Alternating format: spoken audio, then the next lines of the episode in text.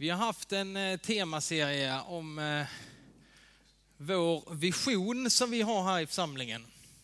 Som lyder, vi vill göra Jesus Kristus känd, trodd, älskad och efterföljd. Och så vill vi främja Kristi rikes tillväxt genom att leva nära Jesus, nära människor, mitt i Helsingborg. Och så har vi under den här serien pratat om de tre riktningarna som man kan se här i vår vision, som man kan se i Jesu liv, som man kan se i, när man läser Nya Testamentet. Riktningen uppåt, nära Jesus. Vi vill ha, eh, vi älskar hans närhet. Vi vill ha liksom kunna ha fokus uppåt. Fokus inåt, det är in i gemenskapen. Vi vill leva nära varandra. Vi vill liksom dela livet med varandra här i församlingen.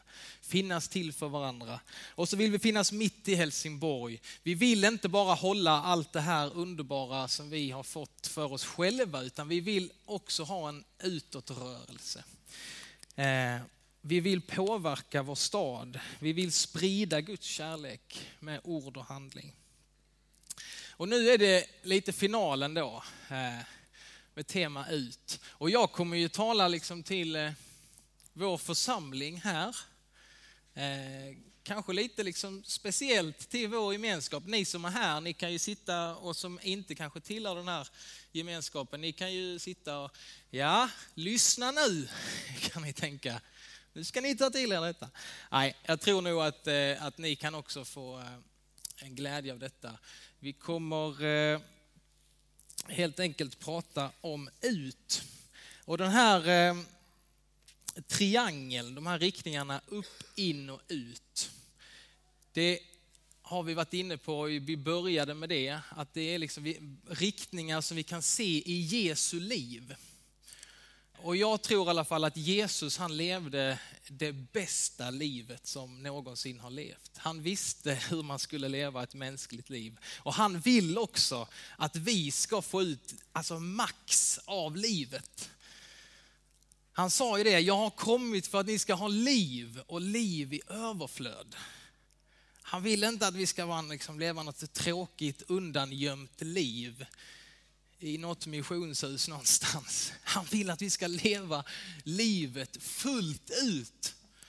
Och det tror jag den här riktningarna kan hjälpa oss att fundera på balansen i vårt liv. Att få ha riktningen uppåt, stanna till i bön, lovsång, eh, ständig närhet, liksom ständigt leva med den riktningen levande i våra liv. Att Gud är med. In vi behöver fråga oss, finns det människor som jag liksom delar livet? Finns det människor som har insyn i mitt liv? Som jag verkligen kan dela med mig av den här livets vandring? Och så ut.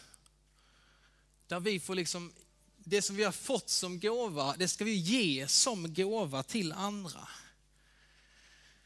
Och utriktningen, eh, eller utpilen, den kan vi ju kanske ha lite blandade känslor för är det nu liksom, nu är det detta vi ska göra, nu är det det vi ska prestera, eh, nu blir det lite jobbigt. Eh, alltså, jag tänker inte alls så. Utpilen, det handlar om att du ska få uppleva livet till max. Alltså ni vet döda havet. Varför är det dött, det havet? Är det någon som vet? Det är salt, Inget utlopp. Döda havet, det är bara vatten som kommer in. Så samlas det där och så blir det dött för det har inget utflöde. Jag tror det är likadant med oss. Om vi inte har något utflöde så är det precis som att vi, vi bara samlar, vi blir som förstoppade. Vem vill vara förstoppad? Vi måste ha ett utflöde i våra liv. Jesus vill att vi ska få leva livet fullt ut. Förra veckan så predikade jag om hur vi blir till i Guds blick. Att det är på något sätt där det börjar, riktningen uppåt, där vi får söka Guds ansikte, där vi får liksom bli de som vi är tänkta att vara genom att få titta in i hans blick. Han får tala om för oss vilka vi är. Och jag tänker i Guds ögon, i hans blick, så kan vi få den här vissheten. Vi kan verkligen få veta i djupet av våra liv att vi är accepterade och älskade precis som vi är. Och därför blir det allting vi ska göra, eh, om vi tänker så. Ja, men det blir ju inte prestationskrav eller detta borde jag göra. Utan det, gör, det är någonting som vi gör för att vi vet att vi är älskade. Inte för att vi ska bli älskade. I Guds ögon så är du och jag någon innan vi gör något. Och där finns liksom den friheten och glädjen som Jesus vill ge oss. Och utifrån det så kan vi också få bli använda av Gud för andra människor. Det är detta som dopet handlar om. Axel som idag har blivit döpt till Kristus. Han har fått en ny identitet. Han har fått en ny tillhörighet. Dopets nåd, det är att han är någon. Axel är någon innan han presterar något. I Guds ögon så är han fullt accepterad och älskad. Men att leva i dopets nåd, de flesta av er är säkert döpta. Är det så att någon inte är det så får ni gärna prata med mig efteråt om ni vill bli det. Men till er som är döpta, dopets nåd, att få leva i sitt dop, det handlar om detta, att jag är fullständigt accepterad och älskad i Guds ögon. Och samtidigt så handlar det också om att jag kan få bli använd av Gud. Ja, I vår lutherska kyrka som vi tillhör, Svenska kyrkan, så talar vi ibland, allt för sällan faktiskt tycker jag, men kanske har ni hört det. Vi talar ibland om det allmänna prästadömet. Alltså tanken på att alla kristna är präster. Luther, Martin Luthers, hans stora upptäckt det var ju att människan blir rättfärdig, människan får det rätt ställt med Gud genom tro och inte genom religiösa gärningar. Så att en människa behöver inte liksom någon präst eller någon kyrka för att bli, få det rätt ställt med Gud, utan man, man får det rätt ställt med Gud genom tron, genom den här personliga relationen med Gud. Och en konsekvens av den här upptäckten, Luthers stora upptäckt, det var att han såg på prästen och på de vanliga kristna på ett nytt sätt. Och han studerade Bibeln och mycket kanske utifrån första Petrusbrev 2, där det står så här, när ni kommer till honom, den levande stenen, ratad av människor men utvald av Gud och ärad av honom, då blir också ni till levande stenar i ett andligt husbygge. Ni blir ett heligt prästerskap och kan frambära andliga offer som Gud vill ta emot tack vare Jesus Kristus. Utifrån detta bibelord och även flera andra bibelord så hävdade Luther något som han kallade för det allmänna prästadömet som gäller för alla döpta. Det är du Axel. Du är präst Axel. Du har inte bara blivit ett Guds barn, utan du är också präst. Vigd till präst. Det finns egentligen bara en prästvigning och det är dopet. Katolska kyrkan har ju liksom prästvigning som ett sakrament. Vi har inte det. Vem är egentligen präst? Jo, alla döpta.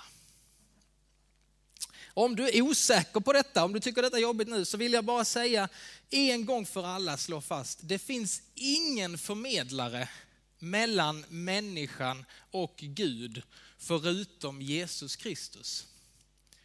Det finns ingen förmedlare Liksom. Det finns ingen länk mellan människan och Gud förutom Jesus Kristus. Ingen präst eller någon annan ska tränga sig in mellan dig och Gud och hävda att han eller hon har någon speciell status inför Gud. Paulus, han skriver så här till oss, frambär er själva som ett levande och heligt offer som behagar Gud. Alltså, han skriver som prästen då förr i tiden, va? i templet, i det judiska templet, som prästen frambar offer och han gjorde det för hela folkets skull. Det var han som bad till Gud, det var han som frambar offer. Så skriver Paulus nu, nu ska ni var och en frambära er själva som ett offer inför Gud. Alltså ni ska själva ta ansvar för era böner, eh, livet tillsammans med Gud. Ni ska frambära allt ni har, er själva. Du ska inte förlita dig på att prästen gör det här åt dig. Utan varje kristen har fått ta emot den helige ande som vi får genom dopet och vi har var och en fullt tillträde till Gud. Vad innebär detta då? Alltså det allmänna prästa. Är det verkligen så här? Ja, men det innebär ju att dopet här nu som skedde här, det skedde ju inte på grund av mig, mina andliga meriter och mitt inre blomstrande liv. Det är inte prästens förmåga överhuvudtaget. Ett dop sker på grund av Guds ord och Guds löften. Det handlar inte om prästens förmåga. Därför så kan varje kristen, varje döpt i princip döpa, leda nattvard och förmedla syndernas förlåtelse. Eh, om man läser liksom i Nya Testamentet. Det är inte bara prästen som kan tolka och predika Guds ord. Detta var ju oerhört viktigt för Luther. Han gjorde så att Bibeln blev tillgänglig för alla. Så du, vem du än är, du kan läsa Bibeln och så kan du ta fram det liksom mest centrala i det kristna budskapet och så kan du förmedla det evangeliet till andra. Du kan förmedla det viktigaste budskapet till andra. Alltså jag är ingen speciell.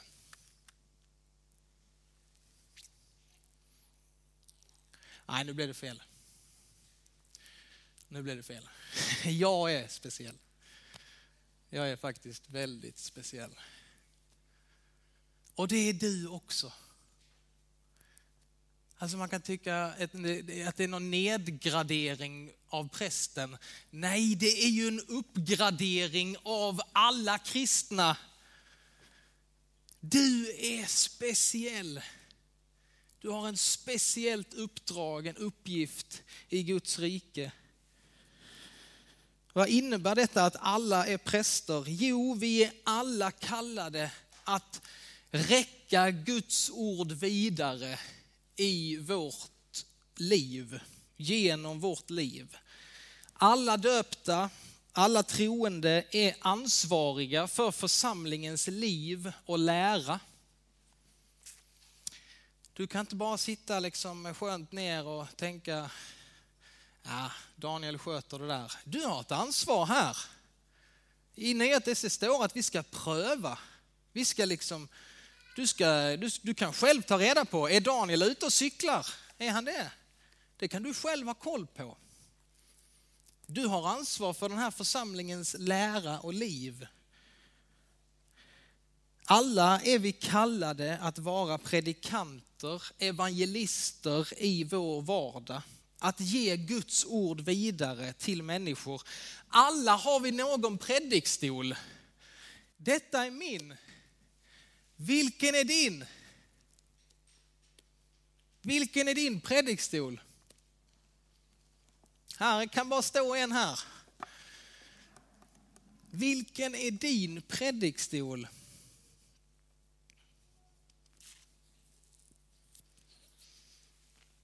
Med detta sagt, va, om prästen, med detta sagt så har vi en kyrka, vi tillhör en kyrka som har en ordning som jag tycker är väldigt bra att följa. Alltså vår kyrkas ordning det är att vi avskiljer vissa personer att på ett speciellt sätt ansvara för eh, ja, lite predikan, för att leda dop, att leda nattvard. Vi utbildar människor, vi avskiljer människor och detta tycker jag är en väldigt bra ordning att följa. Så jag vill inte uppmana till att ni går hem och börjar fira nattvard, det är inte det jag säger. Men jag är inte mer präst än vad du är för det. Det handlar om en ordningsfråga. Och den tycker jag vi ska följa. Är ni med mig? Vi går tillbaka till dopets nåd. I vårt dop så har vi verkligen någonting att falla tillbaka på. I Guds ögon så är du och jag fullt ut accepterad och älskad, precis som vi är. Men dopet är också en prästvigning, det var det vi sa. Att Gud vill också sätta dig i tjänst. Han vill använda dig. Och jag tror, är det någonting som människor längtar efter, det är att få bli accepterad precis som man är. Men jag tror inte vi är nöjda med det. Utan vi längtar också att få bli använda. Accepterad och använd. Det är dopet. Du är fullt ut accepterad, men Gud har också en tjänst för dig. Han vill använda dig. Han vill använda, jag tycker det är, så, det är ett sånt oerhört vackert ord, använd av Gud. Alltså han vill använda dig, han vill inte utnyttja dig. Han vill inte utnyttja dig som någon billig arbetskraft. Han vill använda dig. Är man använd, då är man i någon annans hand. Man är i någon annans tjänst. Och du är i Guds hand, du är unik och älskad. Och i den handen så kan du, just du med dina speciella egenskaper, dina erfarenheter, dina gåvor kan bli en kanal för Guds kärlek. Gud vill använda dig. Detta är så stort alltså. Och det är en av de vackraste bönerna jag vet. Det är när någon ber bönen, Gud använd mig. Sänd mig. Och här, mina vänner, här har vi hoppet för Helsingborg. När fler och fler människor i vår stad ber bönen, här är jag Gud, med allt mitt. Använd mig. Jag vet inte hur du ska använda mig, men använd mig. Jag lägger mig i din hand, sänd mig. Och är det så att evangelisation, alltså ordet evangelisation ger dig kalla kårar längs ryggraden, så är du inte ensam. Jag tror det är så för oss många kristna. Vi känner många av oss på samma sätt. Vi vet att Jesus han vill att vi ska ut han vill att vi ska ut med evangeliet och så känner vi oss skyldiga när vi inte gör det. Och så hejar vi på dem som har fått gåvan, som verkar vara evangelister och utåtriktade. Och så hoppas vi att de kan ta hand om utpilen. Kan inte ni ta hand om utpilen så slipper jag, så slipper vi andra. Men jag, jag, jag är ledsen behöver säga det, jag tror inte det kommer komma någon mega-evangelist till Helsingborg som kommer föra hela den här staden till tro. Om det är någon som sitter och väntar på det, att någon dag så kommer någon som ska göra det här i Helsingborg. Jag tror inte det. Utan Helsingborgs hopp, Helsingborgs hopp är Guds församling. Här finns många församlingar i stan, men vi är en av dem. Helsingborgs hopp är Guds församling. Hoppet är att fler och fler ber bönen, här är jag, Gud, använd mig, sänd mig. Och här kommer det allvarliga in i detta. Alltså om inte vi, vem? Om inte vi, vem i Helsingborg? Om inte nu, när? Alltså när, ska det komma något bättre tillfälle någon gång när du känner dig lite mer laddad? Om inte nu, när ska vi göra det? Om inte du, vem? Alltså om du tänker på dina kollegor, du tänker på dina kompisar, dina grannar. Om inte du, vem? Det står så här om Jesus, vår mästare, förebild. Jesus vandrade omkring i alla städerna och byarna och han undervisade i synagogorna. Han förkunnade budskapet om riket och botade alla slags sjukdomar och krämpor. När han såg människorna fylldes han av medlidande med dem. För de var illa medfarna och hjälplösa som får utan herde. Och han sade till sina lärjungar, skörden är stor men arbetarna få. Be därför skördens herre att han sänder ut arbetare till sin skörd. Jesus, han levde nära människor. Han fylldes av medlidande med dem när han såg deras situation. Och Jesus han hade en avsikt när han kom hit till jorden. Det var inte att det skulle byggas kyrkor i hans namn. Nej, det var att nå ut till dessa människor som är som får utan herde. Och vi känner säkert alla människor, kanske är du själv, du känner igen dig i ditt eget liv. Att vara rådvill, utan mål och mening, utan hopp. Jag tror vi känner människor som vi ser det hos. De är som får utan herde. Och så vi som känner den store herden, vi som har upplevt hans brinnande kärlek till oss. Han vill att vi ska gå ut tillsammans med honom för att rädda de förlorade. Jesus han levde nära människor och han vill att vi också ska göra det. Han, han vill att du och jag, att vi ska bygga relationer med människor. Och när den relationen väl finns, va, ja då är det väldigt mycket enklare att också få berätta vad din tro betyder för dig. Gud är den som tar ansvar för skörden. Det är inte vårt ansvar, men han vill att vi ska gå ut och liksom komma nära människor tillsammans med honom få leda dem till honom. Tänk om det är så här. Alltså bara tänk. Tänk ditt eget liv. Tänk om att Gud är skördens herre, som han säger. Tänk, tänk om han är den store strategen som lägger sitt pussel. Och tänk om att du i ditt liv, det kanske inte är en slump att du jobbar där du jobbar. Tänk om att det inte är en slump att du bor där du bor. Tänk om du är satt där av skördens Herre. Du är satt i vissa speciella relationer som du lever i.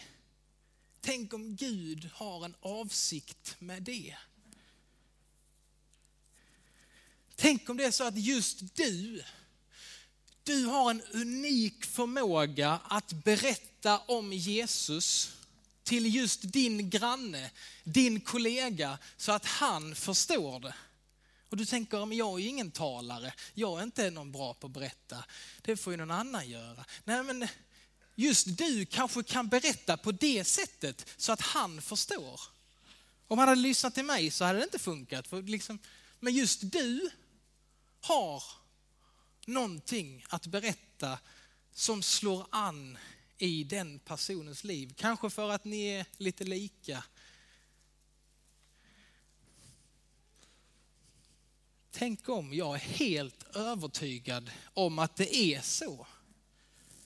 Att Gud placerar dig i relationer, i sammanhang för att du med ditt liv, dina ord ska få vara ett vittnesbörd för honom. Vågar vi tro det? Vågar vi ta till oss detta? Och vad händer om vi börjar leva ut det?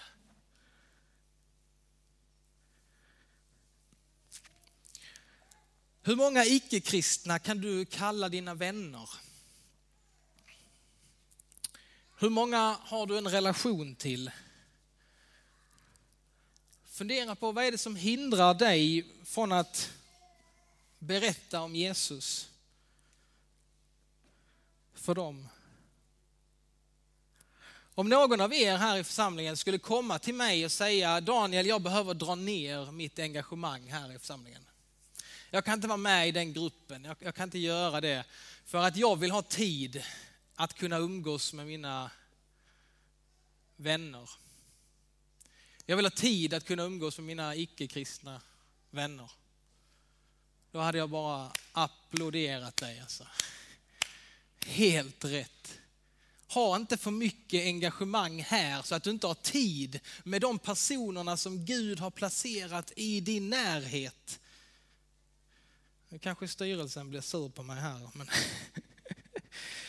Samtidigt så skulle jag sagt till dig, missa inte söndagarna.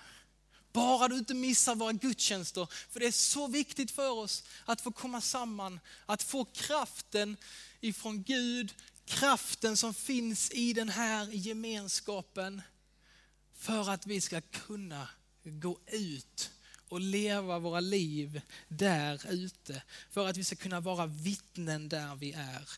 Vi ber tillsammans. Gode Gud, vi tackar dig för att du är den du är. Och vi vill bli lika dig Jesus. Tack för att du har visat oss livet med stort L. Ett liv som är fyllt av liv och liv i överflöd. Och nu ber jag dig, Fader i himmelen, jag ber dig skördens Herre, att du kommer till oss var och en. Att du tar bort allt vad krav och prestation och jobbiga erfarenheter, att du bara får drabba oss med din kärlek. Att vi får bli smittade smittade av din kärlek. Så att vi också blir människor som kan få ge vidare det som du har gett oss. Amen.